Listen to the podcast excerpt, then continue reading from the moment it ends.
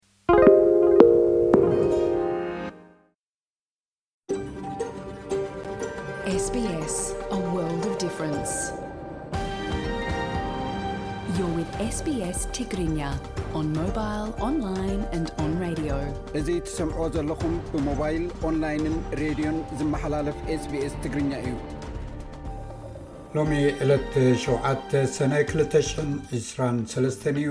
ንሎሚ ዝበልናዮም ዜናታት ከቕርበልኩም ብቐዳምነት ኣርሰ ዜና ኣብ ደቡባዊ ዩክሬን ዝርከብ ሓደ ዓብዪ ግድብ ፈሪሱ ኣብቲ ከባቢ ዝርከባ ኣቑሻት ብማይ ኣዕለቕሊቑ ኣመሓዳሪ ማእከላይ ባንክ ኣውስትራልያ መጠን ዝቕባበ ናብ ዝተሓተ ደረጅኡ ንምውራድ ኣብ ናይ መወዳእታ መገዲ ከም ዘሎ ገሊጹ ኣህጉራዊ ተጣባቒ ሰብኣዊ መሰላት ሁማን ራይት ዎች ብዛዕባ ምዕራብ ትግራይ ዘውፅኦ ጸብጻብ ብእኹል መርትዖ ዘይተደገፈ እዩ ክብል መንግስቲ ኢትዮጵያ ነጺግዎ ንኣርባዕተ ደቃ ቀቲልኪ ተባሂላ ን20 ዓመታት ተኣሲራ ዝወፀት ካብ መንግስቲ ሚልዮናት ዶላራት ካሕሳ ክትሓትት ትኽእል እያ ተባሂሉ እዚ ሬድዮ ስፔስ ብቋንቋ ትግርኛ ዝፍኖ መደብ እዩ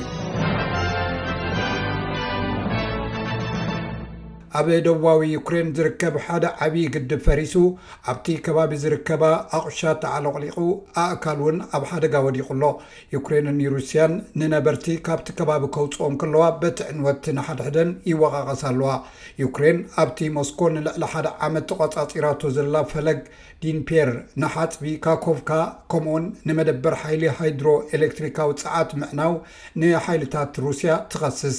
ሰብ መዚ ሩስያ እውን ዩክሬን ኣብቲ ዘሰዓዕብ ከባቢ ደብዳብ ነፈርቲ ከም ዝገበረት ወቒሶም። ናይ ውድብ ሕቡራት ሃገራት ናይ ሰብኣዊ ጉዳያት ዋና ጸሓፊ ማርቲን ግሪፊዝ ዕምቀት ናይቲ ዕንወት ኣብ ዝመጽእ መዓልታት ክረኣ እዩ ኢሉ።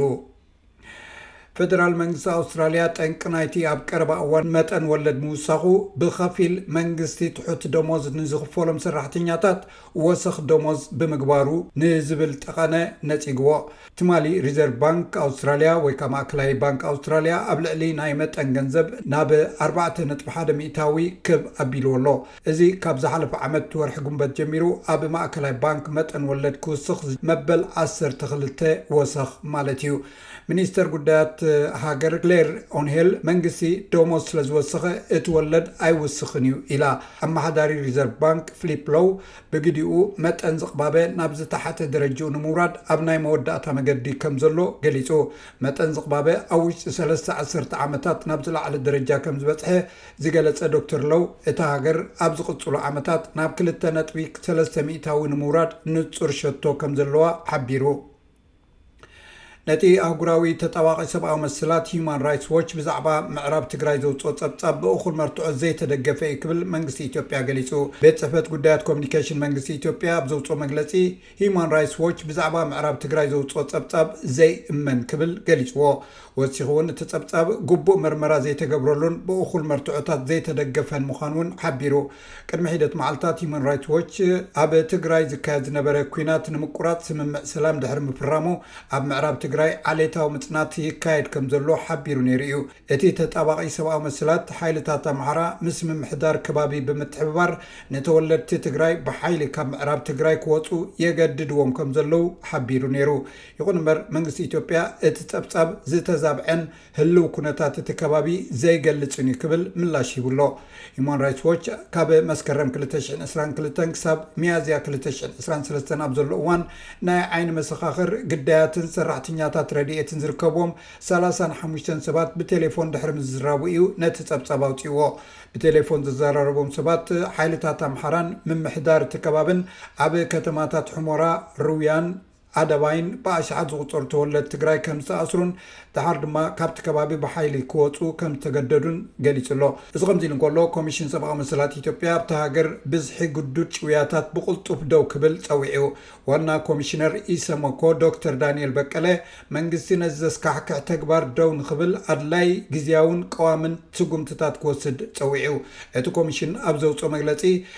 እቲ ናይ ማእሰርቲ ትእዛዝ መብዛሕትኡ ብሲቪላውያንን ዩኒፎርም ብዝለበሱን ኣባላት ጸጥታ መንግስቲ ዝፍጸም ምዃኑ እዩ ሓቢሩ። ብተወሳኺ እዚ ግዱድ ጭውያ ብፍላይ ኣብ ከተማ ኣዲስ ኣበባ፣ ክልላት ኦሮምያን ኣምሓራን ከም ዘጋጠመ ብምግላጽ፣ ግዳይ ናይዚ ተግባር ዝኾኑ ሰባት ካብ ገዝኦም፣ ካብ ቦታ ስርሖም ወይ ካብ ጎደናታት ከም ዝውሰዱን ብድሕሪኡ ናብ ዘይፍለጥ ቦታ ይውሰዱ ከም ዘለዉን ኣብሪሁ። ኣብ ፈለማ ናይዚ ወርሒ ኮሚሽን ሰብኣዊ መሰላት ኢትዮጵያ፣ ኢሰመኮ፣ ኣብ ልዕሊ እቶም ኣብ ኢትዮጵያ ብፍላይ ከኣ ኣብ ኣዲስ ኣበባ ዝነብሩ ኤርትራውያን ስደተኛታትን ሓተትቲ ዑቕባን ክግበር ዝጸንሐ ማእሰርቲ ደው ክብል ጸዊዑ ነይሩ እዩ። እቲ ኮሚሽን ኣብቲ ብዓርቢ ክልተ ሰነ ክልተ ሽሕን ዕስራን ሰለስተን ዘውጽኦ ጸብጻብ ብፍላይ ካብቶም ኣብ ኣዲስ ኣበባ ዝነብሩ ኤርትራውያን ስደተኛታትን ሓተትቲ ዑቕባን ብዝቐረበ ጥርዓን መሰረት ብዝገበሮ ክትትል ምዃኑ ብዝርዝር ኣስፊሩ ኣሎ። ብመሰረት እቲ ፀብፃብ ናይቲ ኮሚሽን ብፍላይ ኣብ ኣዲስ ኣበባ መረጋገፂ ሰነድ የብልኩምን ብዝብል ምኽንያት ብፖሊስ ዝተታሕዙ ኣብ ዝተፈላለዩ ንኡሳን ከተማታት ዝተኣስሩ ኣማኢት ስደተኛታትን ሓተቲ ዑቕባን ኤርትራውያን ብዘይ ዝኾነ ይኹን ትእዛዝ ቤት ፍርዲ ብፖሊስ ከምዝተኣስሩ ኣብ ዝተፈላለዩ እዋን ክሲ ከይተመስረተሎም ተኣሲሮም ዝፀንሑ ኣብ ትሕቲ ቁፅፅር ፖሊስ ድሕሪ ምእታዎም መብዛሕትኦም ድሕሪ ነዊሕ ግዜ ከምዝፍትሑን ገሊፁ ነይሩ። ኣብ ወርሒ ሚያዝያ ዝተወልዐ ውግእ ሓድሕድ ሓይልታት ጸጥታ ሱዳን፣ ዛጊት ንቁጠባ እታ ሃገር ብውሕዱ ሰለስተ ነጥቢ ኣርባዕተ ቢልዮን ዶላር ክሳራ ኣስዒቡ ክኸውን ከምዝኸል ናይታ ሃገር ሚኒስተር ፋይናንስ ዝነበረ ተዛሪቡ። ኢብራሂም ኢልባዳዊ ንቢቢሲ ከምዝሓበሮ፣ እቲ ክሳብ ሕጂ ፍታሕ ዘይተረኽቦ ውግእ ዓቢ ክሳራ ከስዕብ ዓቕሚ ከምዘለዎ ገሊጹ። እቲ ጽዕጹዕን ሓያልን ጎነጽ፣ ንመስመራት ቀረብ ኣዕንይዎ ኣሎ፣ ንቝጠባ እታ ርእሰ ከተማ እውን ብፍጹም ኣዕንይዎ እዩ ክብል ኣብቲ ምስ ቢቢሲ ዘካየዶ ቃለ መትሕት ኣፍሊጡ። ናብ መጠነ ሰፊሕ ጐንጽን ኲናት ሓድሕድን ከምርሕ ይኽእል እዩ፣ እዚ ድማ ነታ ሃገር ክመቓቕላ ተኽእሎ ኣለዎ። ሕማቕ ዕድል ኰይኑ መብዛሕትኡ እዋን ብዙሓት ብሄራት ኣብ ዘለዋ ሃገር እዩ እዚ ግጭት ዘጋጥም ዘሎ። ሰራዊት ሱዳን ካብቲ ነቲ ቅልውላው ንምፍታሕ ኣብ ጅዳ ስዑዲ ዓረብ ምስ ተቐናቓኒኡን ዝዀነ ሓይልታት ህጹጽን ደገፍ ከካይዶ ዝቐነየ ዝርርብ ክስሕብ ምውሳኑ፣ እቲ ኩነታት ናብ ዝኸፍኣ ደረጃ ከየምርሕ ስግኣት ከምዘለዎ እቲ ሚኒስተር ነበር ዘለዎ ስክፍታ ገሊጹ። ኣብ መወዳእታ ድማ ኣውስትራልያዊት ካትሊን ፎልቢንግ ብቕትለት ኣርባዕተ ደቃ ተኸሲሳ ዕስራ ዓመታት ተኣሲራ። ብምሕረት ተፈቲሓ ናይ ሚልዮናት ዶላራት ካሕሳ ክትረክብ እውን ተኽእሎ ኣሎ። እታ ጓል ሓምሳን ሓሙሽተን ዓመት ሰበይቲ ኣብ ክልተ ሽሕን ሰለስተን ኣርባዕተ ደቃ ከም ዝቐተለት ተኸሲሳ ን ዕስራ ዓመታት ተኣሲራ ድሕሪ ምጽናሓ ቤት ፍርዲ ብዛዕባ በደላ ግቡእ ጥርጣረ ስለ ዘሕደረ ብሶኑይ ካብ ቤት ማእሰርቲ ኒው ሳውዝ ዌልስ ተፈቲሓ ትሬሲ ቻፕማን ዝስማ መሓዝኣ ንጋዜጠኛታት ኣብ ዝሃበቶ ሓበሬታ፣ ሚስ ፎልቢግ ብዛዕባ እቲ ዝወረዳ ነገር ዋላ ሓንቲ ቅርሕንቲ ከም ዘይብላን በቲ ሃንደበታዊ ነጻነታ ኣዝያ ከም ዝተሓጐሰትን ገሊጻ። ናይ ሚስ ፎልቢግ ጠበቓ ሮዳን ሬጎ ከም ዝበለቶ፣ ዛንታ ናይ ዓሚላ ኣብ ስርዓተ ሕጊ ኣውስትራልያ ዘሎ ጕድለት ኣብነት እዩ ኢላ። ኣርባዕተ ደቃ ምስ ሞትዋ እያ ኣብ ቤት ማእሰርቲ ኣእትዮማ ኢላ። እዚ ዘሕዝን ዘንታ እኳ እንተኾነ ካትሊን ግን ኣብነት እቲ ኣብቲ ስርዓት ዘሎ ዘስፋሕፍሐ ጸገም እዩ ኢላ። ሚስ ፎልቢግ ክልተ ኣማራጺታት ኣለዋ፣ ኣብ ልዕሊ መንግስቲ ሲቪላዊ ክሲ ክትምስርት ትኽእል እያ ወይ'ውን ናይ ካሕሳ ክፍሊት ክወሃባ እዩ። ካብ ዩኒቨርሲቲ ግሪፊዝ ዳይረክተር ፕሮጀክት ንጹሃት ሰባት ሮቢን በልወር፣ ሚስ ፎልቢንግ ኣብ ቤት ማእሰርቲ ንዘሕለፈቶ ሸውዓተ ሽሕን ሰለስተ ሚእትን መዓልታት ብኸመይ ካሕሳ ክወሃባ ከምዝኽእል ንምርዳእ ኣብ ቀረባ ግዜ ንዝተፈጸመ ናይ ክልተ ኣብነታት ጉዳያት ተልዕል። ስኮት ኦስቲክ ዝበሃል ሰብ ካብ ምዕራብ ኣውስትራልያ፣ ኣብ ወርሒ ጉንበት ነታ ነብሰ ጾር ዝነበረት ኣፍቃሪቱ ብምቕታሉ ዓሰርተ ሰለስተ ዓመታት ኣብ ቤት ማእሰርቲ ክእሰር ድሕሪ ምግባሩ፣ ኣብ ርእሲ'ቲ ኣቐዲሙ ዝተኸፍሎ ክልተ ሚእትን ሓምሳን ሽሕ ዶላር፣ ሓደ ነጥቢ ሰለስተ ሚልዮን ዶላር ካሕሳ ተዋሂብዎ እዩ። ንሱ ኣብ ክልተ ሽሕን ዕስራን ናይ ይግባይ ሕቶ ኣቕሪቡ ካብ ማእሰርቱ ነጻ ምስ ተባህለ ናይ ሸሞንተ ነጥቢ ሓሙሽተ ሚልዮን ዶላር ካሕሳ እዩ ሓቲቱ ነይሩ። ክልቲኦም ክፍሊታት ናይ ገንዘብ ካሕሳ እዮም ነይሮም።